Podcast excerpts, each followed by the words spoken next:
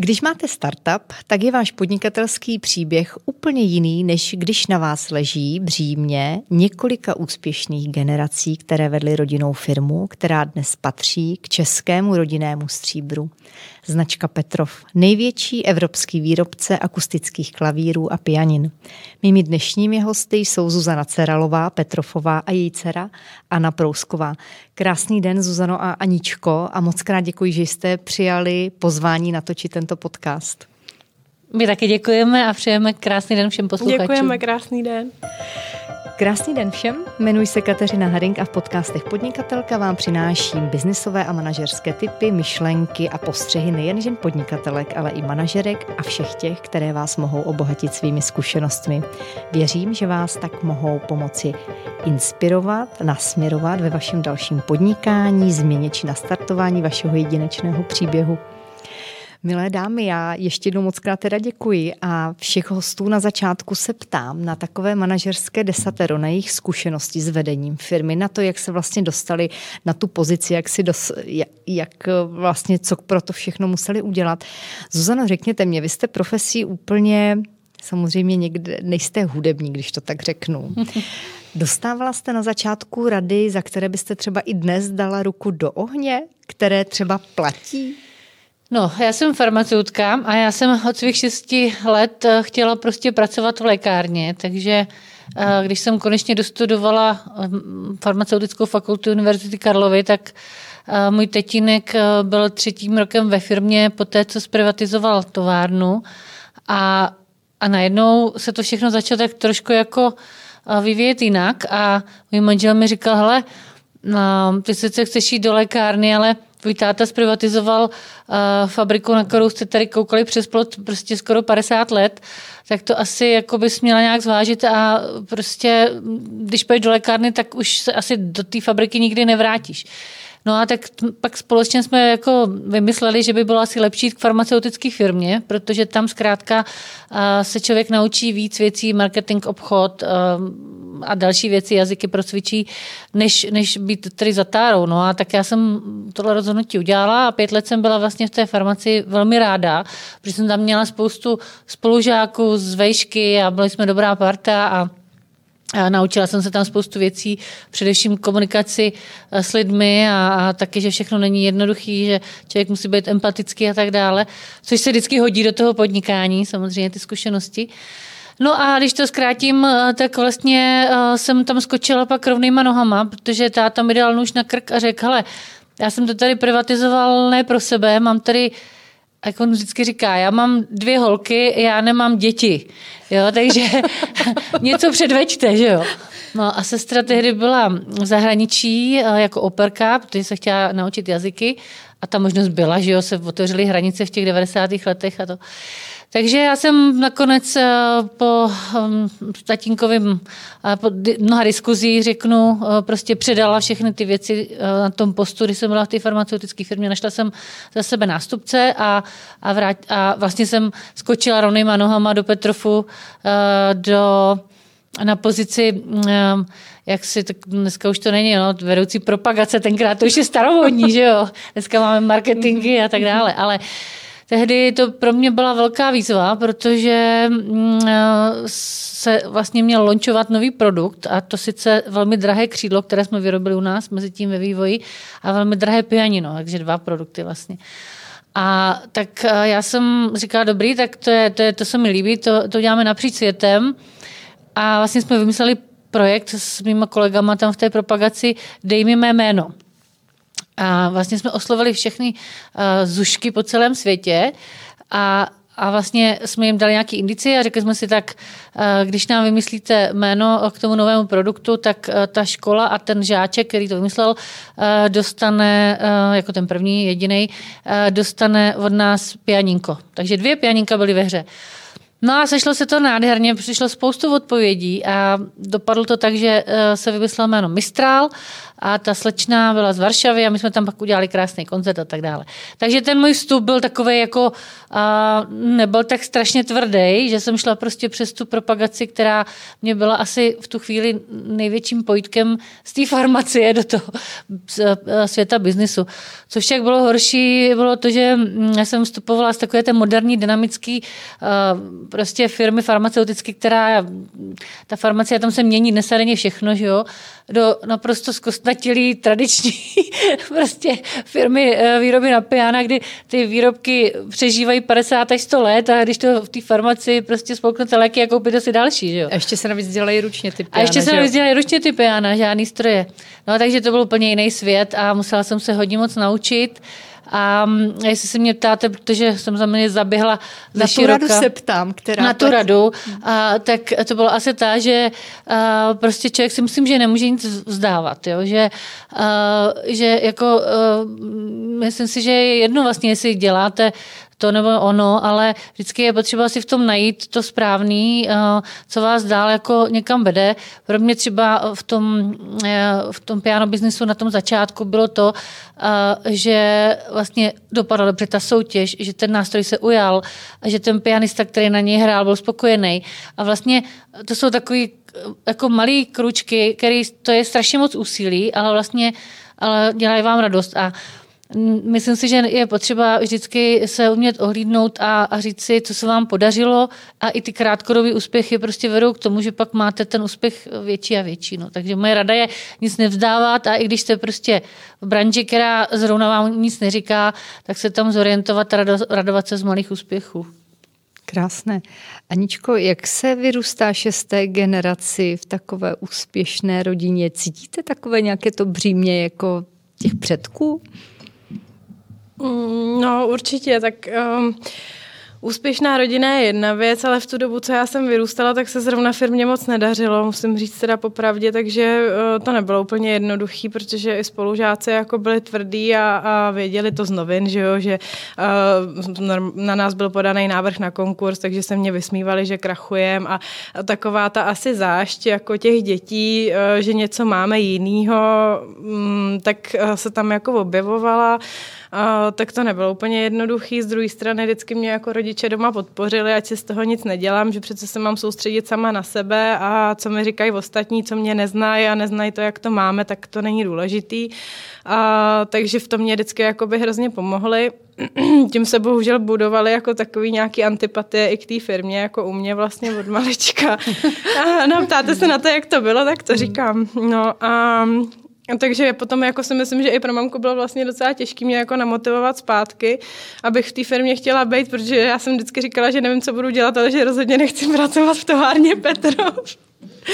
A no, nakonec vlastně jakoby na tom Gimplu až nějak potom se to zlomilo, protože mamka věděla, jak na mě, no, ale jako ten závazek tam určitě je, jinak bych nebyla tam, kde jsem a dělala bych něco úplně jiného, protože to samozřejmě cítíte, že uh, když to ty předci vybudovali, děda to pak potom všem zprivatizoval, mamka to zase uh, prostě dostala z krize, uh, tak to jako nemůže asi člověk nechat jenom tak ležet, no, a zrovna jako v tom období dospívání už to i jako člověk začíná vnímat nějaký ty souvislosti, ty zodpovědnosti, co ho v životě čekají a tak. No. Hmm. Co myslíte, Aničko, eh, jaké vlastnosti jsou důležité pro ženu, která se chce, eh, řekněme, prosadit, ať už jako eh, žena podnikatelka, anebo žena, která si chce vybudovat svou vlastní kariéru?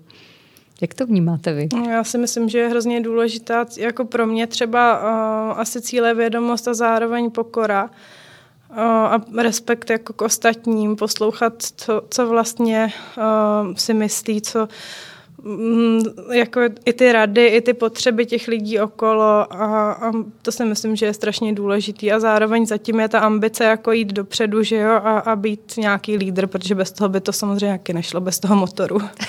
Lídrem se člověk možná nerodí, nebo rodí, Zuzano, co myslíte? No, já, to, to je prostě těžká otázka. No. Já si myslím, že, že se trochu rodí. Protože... A dá se to naučit?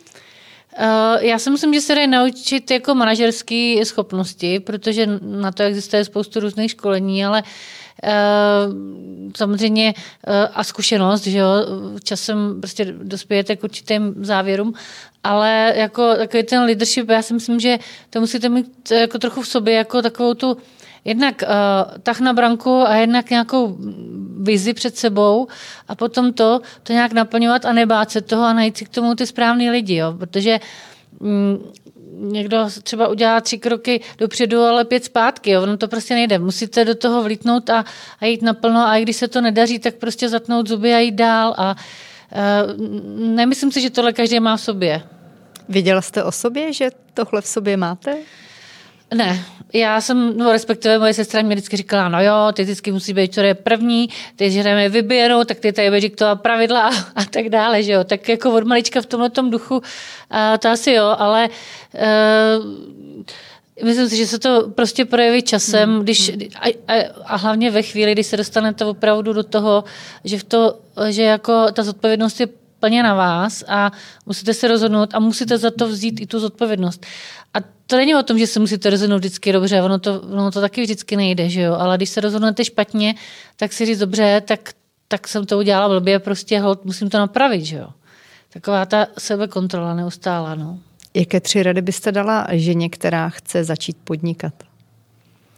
No, já si myslím, první je takový nápad, jako mít, mít prostě chuť do toho a uh, je úplně vlastně jedno, v čem se cítí komfortní a, a čemu rozumí, ale, ale pak se zatím stát, jo. To znamená nevzdávat to a, a když vždycky po té cestě budou nějaké překážky, jako myslím si, že je nemyslitelný, aby někdo podnikal a, a nepotkal se s neúspěchem, s překážkou a tak dále. Jako to vždycky bude, ale uh, jako nevzdat to, vždycky se zastavit a jak já říkám, radovat se z toho, co se už trochu podařilo jo, a na tom mm-hmm. to postavit a mhm. zase, zase to tlačit dál. No. A uh, někdy ty cíle třeba je potřeba i přehodnotit. Jo. Já, mně se kolikrát stalo, že jsem uh, jako si představila, že, že by vám prostě řeknu nějaký složitý úkol, Uh, ten jsem chtěla prostě za každou cenu zmáknout a pak jsem si říkala, no jo, ale průběhu času, když se na to dívám, vlastně už ten úkol trochu jako postrádá smysl, nemyslím teďka ve všem, ale prostě zkrátka doba se mění a mění se kolem vás prostředí nějakým způsobem. Takže je strašně důležité jako si říct, jestli vlastně ještě pořád ten cíl je ten správný, uh, jestli se troška, trošku nemůže změnit. To neznamená, že uh, tomu hodíte za hlavu jdete úplně jinou cestou, ale ale jako prostě uh, tak jako reflektovat uh, to prostředí kolem a to, jak se vyvíjí ať už řeknu konkurence nebo prostě ta společnost. Jo? Hmm. A vlastně nevadí to, že se ten cíl tak trošku třeba po cestě změní. Důležité je jít dál. Vy znáte i další ženy podnikatelky. Myslíte si, že my ženy třeba děláme, a to nemyslím ve zlém, nějakou chybu, která nás odlišuje od toho, jak podnikají muži? Že je něco, čeho bychom se mohli třeba vyvarovat a vidíte, že my ženy to máme společné? No, já si myslím, že mm, nám je asi vlastní to, že do toho jdeme všichni hrozně naplno i se všema emocema.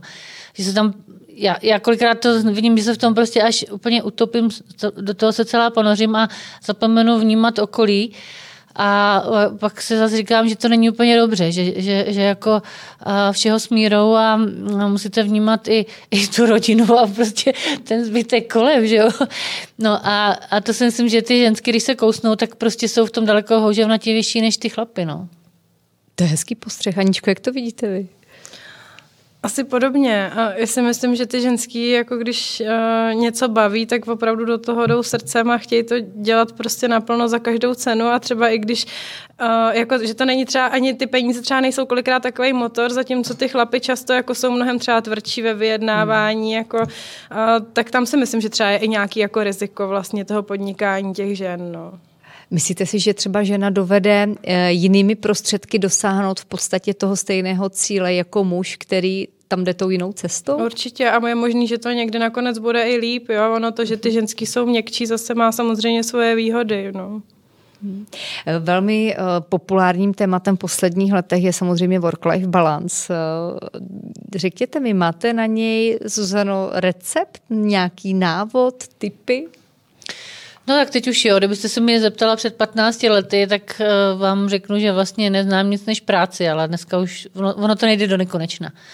Uh, prostě um, člověk jako pořád se učí po cestě, že jo, celý ten život a uh, máte před sebou úkoly, který musíte zvládnout a Někdy to nejde, že, že z toho vyskočíte a jedete si nahory, prostě je to jasný, no, ale pak už zase nastávají ty léta, kdy, kdy vám pomůžou další generace a najednou takový to, ta kára, kterou táhnete pořád jako sám, tak najednou je lehčí jo, a je to prostě vidět, je to znát dnes a denně v té práci a, a, a s tím, si říkáme, jo, tak to je skvělý, oni už mě zastanou a, a já si trošku můžu jako stáhnout a odpočnout, jo. takže já jsem teďka v roli, a, že teda a, pondělky už nechodím do práce a hlídám noučata, což si nevím představit, no zaprvé jsem neměla noučata předtím, ale uh, i když jsem vlastně měla Tondu, uh, vlastně před 11 e, lety jsem rodila jako taková ta stará matka, že jo, tak, uh, tak prostě uh, já jsem vlastně po šesti nedělích hnedka skočila do práce zase a teď jsem prostě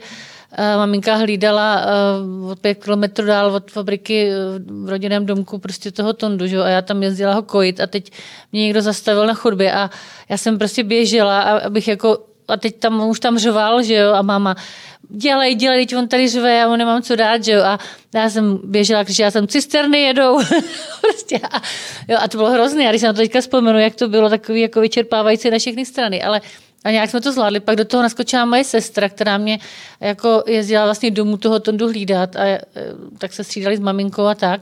Takže zase celá rodina zapojená. A já furt tu práci, práci, že jo. No a, a teďka prostě, když mám ty vnoučata, tak už je to úplně jiný. Už si to prostě jako umím s nima užít a už mám nějaký odstup a už si říkám, ale já tam vlastně nemusím být. No to jsem tenkrát neuměla. Takže jako až čas mě to naučil, a jinak teda to, co jsem dělala dřív a dělám pořád, je, že každý ráno stanu a, a jdu, jdu si zaplavat prostě i kdyby na 20 minut, tak jenom abych jednak se srovnala myšlenky v hlavě, jako psychicky, abych se připravila na ten den, protože každý den jsou jiné priority. Prostě znáte to, máte plný kalendář a stejně musíte něco přehodnotit. Hmm.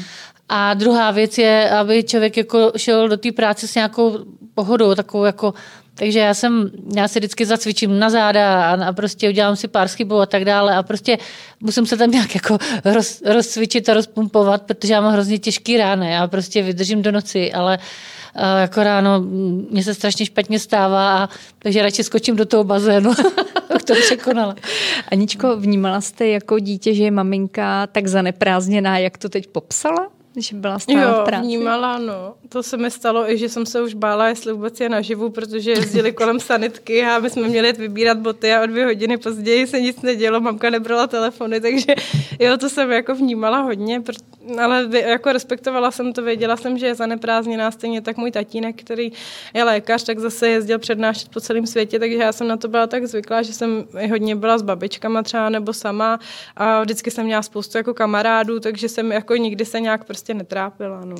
E, to je právě vždy ta otázka, kdy um, ty maminky mladé řeší, aby ty děti neochudily. Tak já se vás ptám, protože už jste dospělá, jste zapojená ve firmě, jestli na to nemáte špatné, a nemyslím to špatně, jestli na to nemáte nějaké jakoby negativní vzpomínky, že prostě uh, bylo. Ne, určitě ne, protože mamka jakoby eh, zase, když jako na mě měla čas, tak se mě věnovala strašně intenzivně a měli jsme spoustu zážitků, snažila se, abych všechno uměla, abych uměla bruslit, lyžovat. Hmm. A prostě se mě strašně věnovala, pak zase už mě brala na diskotéky, když jsem byla starší a prostě i jako my jsme věčný takový kamarádky, takže jako spíš mě vždycky chyběla vlastně, když byla někde pryč, třeba na dlouho, protože jsem byla zvyklá, že i když byla v práci, jak pak večer přišla, to jsme se spolu třeba popovídali, jak jsme se měli, nebo tak, takže spíš byly horší ty služební cesty, hmm. ale tak jako na to si člověk zvykne, no. Já to spíš víc řeším jako u svých dětí, že se bojím, abych je jako nezanedbávala, protože jsou maličký, že jo, a taky vlastně v té práci jsme s manželem zapojený oba a, ale pak si vždycky vlastně vzpomenu na to, jak jsem to měla s mamkou a, a nějak tím poznamenaná nejsem, jako spíš si vždycky říkám, že teda ten čas, abych s nima strávila jako kvalitně vlastně. No. A máte na to recept? Prozradíte nám, jak na to um, jdete? No, jako uh, recept, to je těžký. Já jsem taky vlastně na začátku, že jo, mám holčičku dvouletou, asi na čtyřletýho, takže mě ještě teprve jako to těžký určitě čeká. A teď to děláme s manželem tak, že jdem do práce, tam uděláme všechno, co je nezbytně nutné, pak se jdem věnovat dětem a večer ještě jako dořešíme administrativní věci, e-maily a podobně, ale aby jsme prostě jako tu dobu, kdy oni jdou ze školky nebo Johanka z hlídání, protože ještě malička, tak aby jsme se jim věnovali, aby jako věděli, že mhm. prostě nás mají a že jdem bobovat nebo ven se psem a hrajem si a prostě je to prima. No. Teď mi řekněte možná obě dvě, když máte nějakou rodinnou sešlost, řešíte biznis? Řešíte firmu? Nebo na to máte striktně určené termíny? No, my jsme zažili vlastně všechny alternativy, jo, takže ty, ty první byly ty nejhorší, takže to jsme vždycky se sešli u rodinného oběda, popřáli jsme si a jen jsme dosedli a vzali žici, tak někdo začal uh, s firmou, že jo? A pak už se to rozpoutalo, už to prostě jako nebylo zvládnutí a to, to bylo to období, jak říká Anička, kdy byla malá a tak vždycky odcházela od toho stolu a on říká, já už to jako nechci poslouchat, vy na mě vůbec nemáte čas, vy pořád řešíte jenom tu firmu, že jo? protože to tenkrát bylo strašně moc intenzivní a, prostě museli jsme, a měli jsme před sebou hodně úkolů, který jsme museli zvládnout. No a pak jsme si řekli zase, že už to nebudeme nikdy dělat, to jsme šli do druhého extrému, a že když se prostě potkáme jako rodina, takže prostě fabrika je tabu. No a pak jsme to taky nevydrželi. Ono to asi moc nejde, to taky ne? nejde, Já myslím, no. ne, jsou nejde, aktuální protože otázky. témata se hrozně prolínají, jakoby, jo. I, je to prostě takový, že když, když, když třeba, já nevím, se z té firmy něco podaří hezkého, tak to máte tendenci tomu druhému sdělit a nebo všem se o to podělit, že jo, ale samozřejmě potom už se zase do toho nabalují jiný témata, takže se to spustí. No a teď si myslím, že je to tak jako asi vyvážený, no, že když chceme, tak o tom mluvíme a když nechceme, jak si řekneme, že to necháme na zítra. My většinou jeden na druhém vidíme, že už je unavený, takže si řekneme, ne, tak se s tím nebudeme otravovat, jo. jo. A nebudeme s mamkou ven se psem do lesa, tam si řekneme ještě, co je potřeba, ono v tom lesním prostředí zase to zní jinak, jako i ty negativní věci, nebo jako, a vlastně vždycky to nějak jako všechno jde, no. Tak to je prostě hezký žijem recept. s tou firmou. Vy brzy oslavíte 160 let od založení firmy, vlastně za necelé dva roky, nebo za dva roky. A uh, šestá generace, jak už jsem říkala, Aničko, vy se podílíte na, na tom vedení společnosti. Co si myslíte, Zuzanovi, bylo to nejtěžší období? Ona Anička to možná řekla ze svého pohledu už na začátku, ale co třeba pro vás bylo při tom budování firmy nejtěžší? No, pro mě byl hrozně ten rok eh, 2014 vlastně, kdy jsme, já jsem nastoupila, uh, pa, pardon, 2004, já, mě hrozně, už to letí, už to je dlouho. A 2004, já jsem nastoupila do firmy v tom roce 2000, eh, do té propagace a, a tam jsem se snažila nějak jako ohmatat ten piano business a, a, a ty naše zákazníky, abych prostě jako tomu celému rozuměla. Teď jsem po nocích furt studovala ty knížky stavba pian a tak dále. Jsem měla trochu výhodu, že jsem chodila sedm let do hudebky, že to piano pro mě bylo jako uh, nějakým způsobem kamarád, ale uh, stejně, že jo, ten, ten, ty vnitřky, ty střeva a tak dále, to všechno se musela znova nějak pochopit. Piano má 7 tisíc součástek a do dneška se to pořád učíme spoustu věcí. No, takže pro mě uh, prokousat se tímhle byla jedna věc, ale pak najednou, uh, jak jsem postupovala v té firmě na, na pozici obchodního ředitele, tak když jsem byla v té pozici obchodního ředitele, tak najednou začala prostě velká krize v Americe a my jsme tam tenkrát měli problém s tím americkým partnerem, který tedy nám tady nechal zboží a ještě je nezaplatil a tak dále. A byla tam strašně velká závislost na něm, 60% jako na jednom člověku. A když jsem nastupovala do té pozice obchodního ředitele, tak jsem si říkala, jak tohle mohlo takhle jako vzniknout, že jo. To byly prostě věci, které jsme zdědili z toho socialismu a táta tam byl krátce, aby s tím něco udělal. A já jsem si říkala, no to, to je prostě špatně. No. A než se člověk rozkoukal, už to bylo a už byl problém na světě a už prostě s náma začal vláčet a stejně tak jsme měli takhle monopolního dodavatele skříní na, na, na pianina.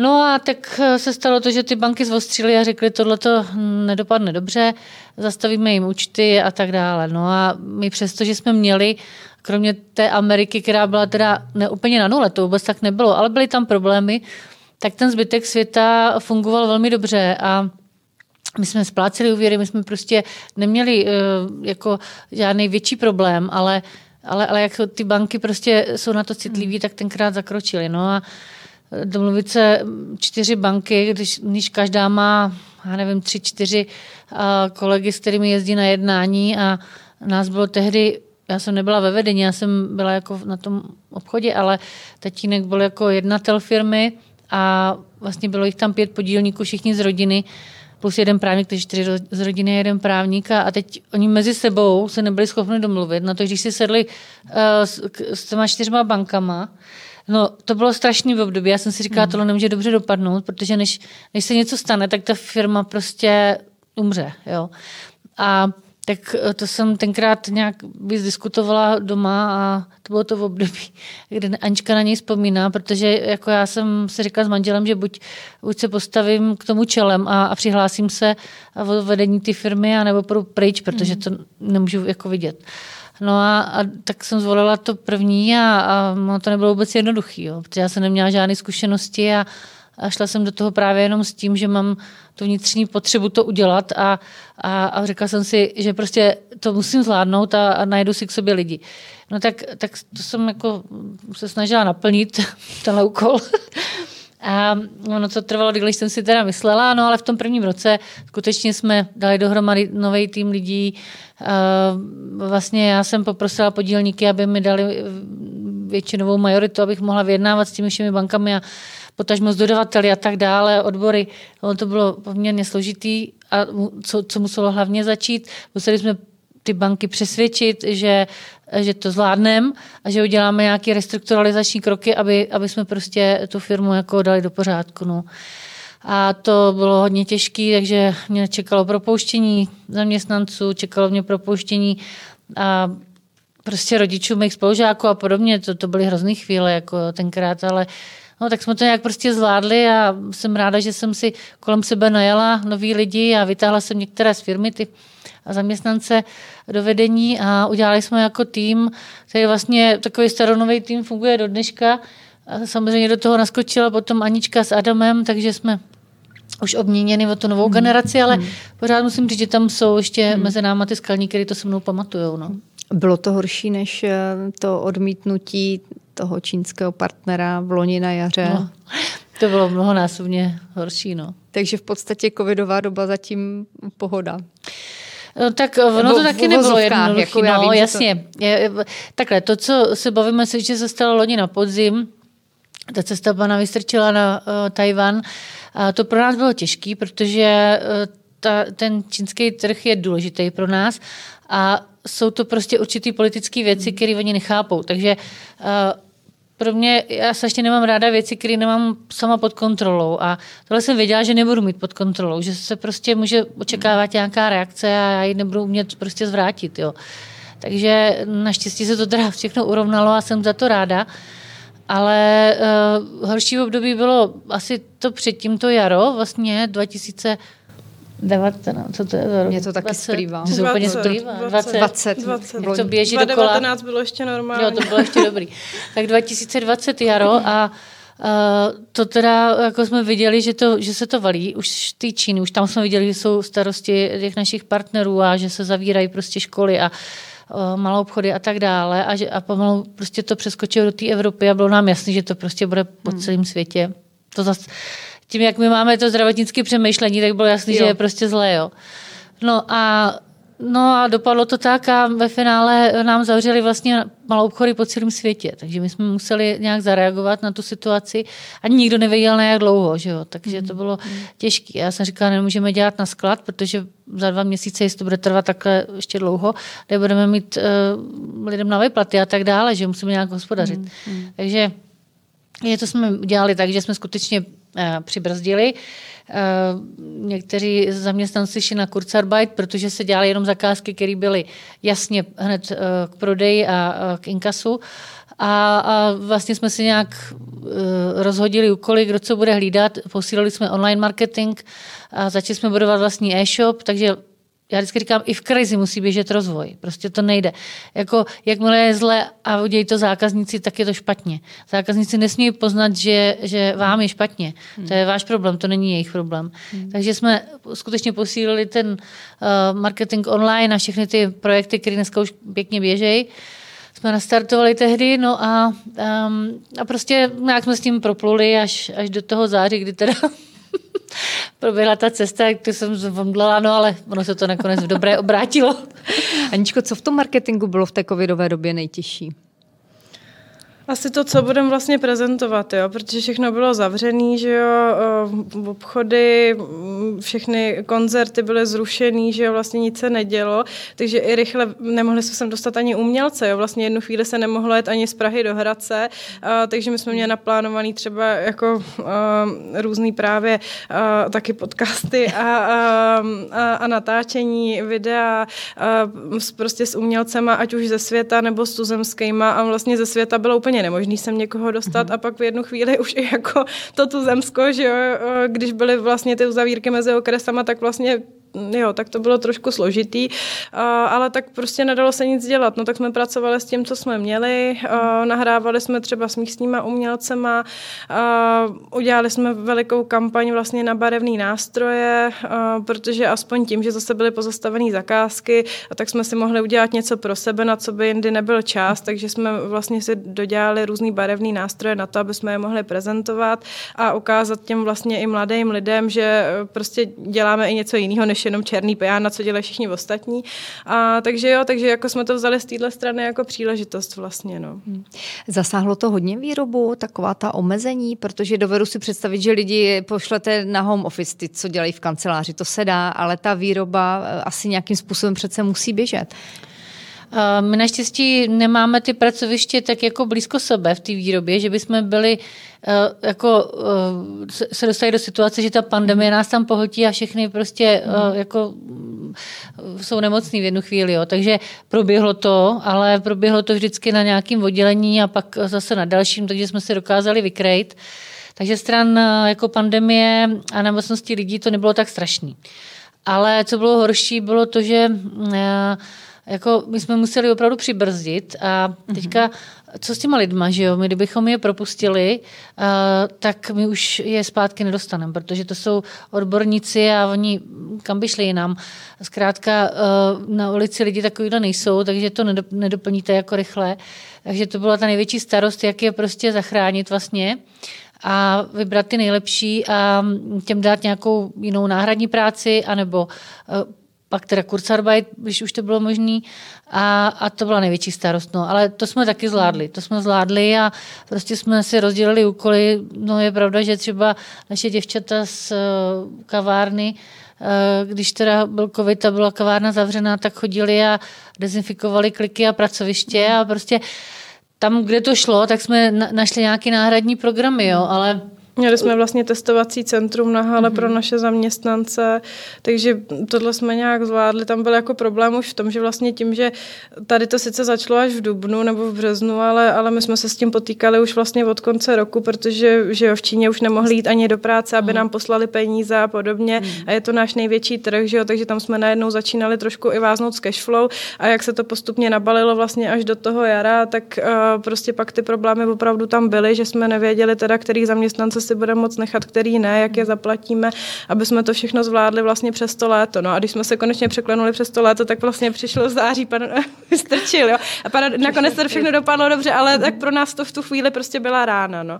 Ale všechno jsme to zvládli, musím zaťukat a mm, jako problematický byly i výpadky dodavatelů, jsme neměli laky, jo. A s tím se vlastně potýkáme až do teďka, že prostě tím, jak byly různě postupně výpadky ve výrobě a teď najednou naběhla zase poptávka, kterou jsme ani neočekávali, jo. Protože najednou všichni jak už jsou dlouho doma, tak letos opravdu i, i chtějí jakoby ty hudební nástroje, ať už v Čechách nebo i jinde po světě a chtějí asi investovat do toho vzdělání, do toho jako osobního rozvoje vlastně, jo, obohatit se doma něčím jiným, když nemůžou tolik chodit jinam za, za jinýma aktivitama.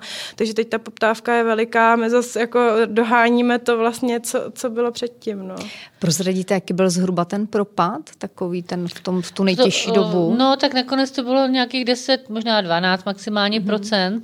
Uh, přičemž ten rok vypadal strašně. Já jsem si myslela, když budeme na 50% plánu, mm-hmm. tak to bude dobrý, ale ono nám opravdu chybělo jenom nějakých těch 10-12% do toho uh, 100% plánu. Jo. Takže uh, ono se to zvedlo potom na podzim a vlastně pak přišel zase lockdown před Vánoci, že jo, ale to už bylo, to už my jsme měli vyexpodovaný ty největší kusy, nebo ty největší zakázky teda uh, do zahraničí, takže už nás to tolik nepostihlo. Uh, No a taky nám pomohly ty další projekty, ten, ten e-shop a ty mimo pianové zakázky jsme zase ještě víc posílili. takže tak jako, taková jako kombinace všeho. Je potřeba vždycky rozložit ty rizika, jako najít mm-hmm. ještě jiný zdroje a, a pomoci. Ono to někdy vypadá, že to je jako jde po kapkách, ale i ty kapky stačí kolikrát na to, aby se překonaly ty těžké období. No. Mm-hmm. Blíží se nám konec roku, všichni bilancujeme, ale přesto bych se chtěla zeptat spíše na budoucnost. Na co se můžeme těšit od Petrofu?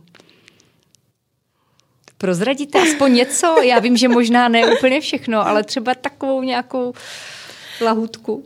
Um, my teda teďka se snažíme hodně jako občerstvit ty nástroje, co asi ještě nikdo neví vlastně, že pracujeme i na redesignu našich nástrojů, to už asi můžu říct pomalu.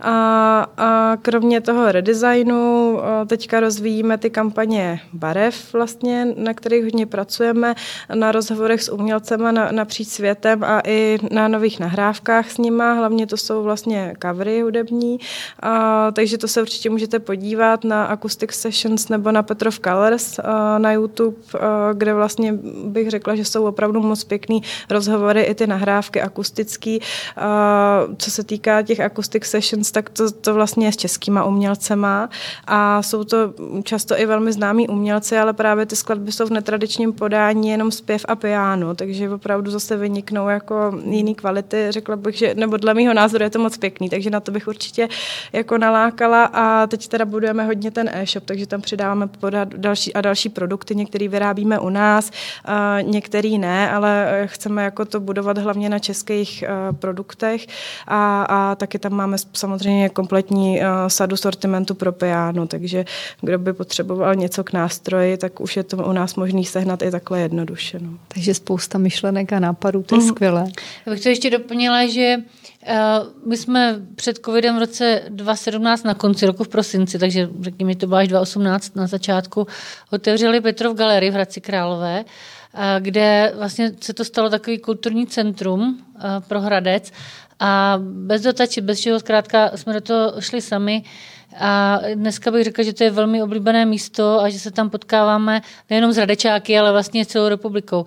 Takže tam odehrávají moc eventy, koncerty a máme tam kavárnu a tak dále. No a tam si myslím, že ještě máme hrozně moc jako před sebou uh, pěkných akcí a chvil, kde se chceme potkávat konečně s těma lidma, jen co to bude možné a co ten covid trošku opadne, protože těch uh, účinkujících, kteří by tam mohli vystupovat, umělců a a prostě eventu je celá, celý seznam a my to jenom valíme před sebou a nemůžeme to uskutečnit, protože prostě hod jsou tyhle podmínky. No. Takže uh, jedna ta větev je piana, její výroba a prodej, uh, další potom je ale i kultura a vzdělávání a zkrátka uh, Petrov Art Family, což jsou umělci napříč světem, podpora vlastně kultury, vzdělávání. A my se říkáme, že, že jsme prostě Češi, že jsme na to hrdí, že jsme vlastenci a že chceme vyvážet českou kulturu, nejenom teda piana, ale i českou kulturu do světa. A to jsme začali před covidem a doufám, že na to zase navážeme. No. A snažíme myslím, se, se to daří. posilovat teda teď i tu mimo pianovou divizi. No.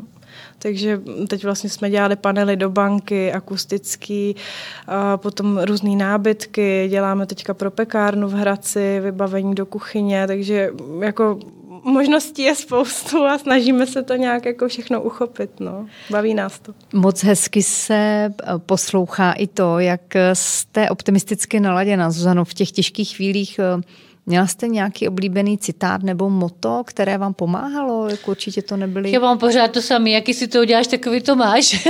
Zkrátka začni sama u sebe a nehledej vníky v druhých, protože prostě je, je to vždycky jednodušší. Je jednodušší, když si člověk řekne, tak tady jsem a chci jít tam a musím pro to udělat tohle, než když říkat, ten měl udělat tamhle to a já za to nemůžu.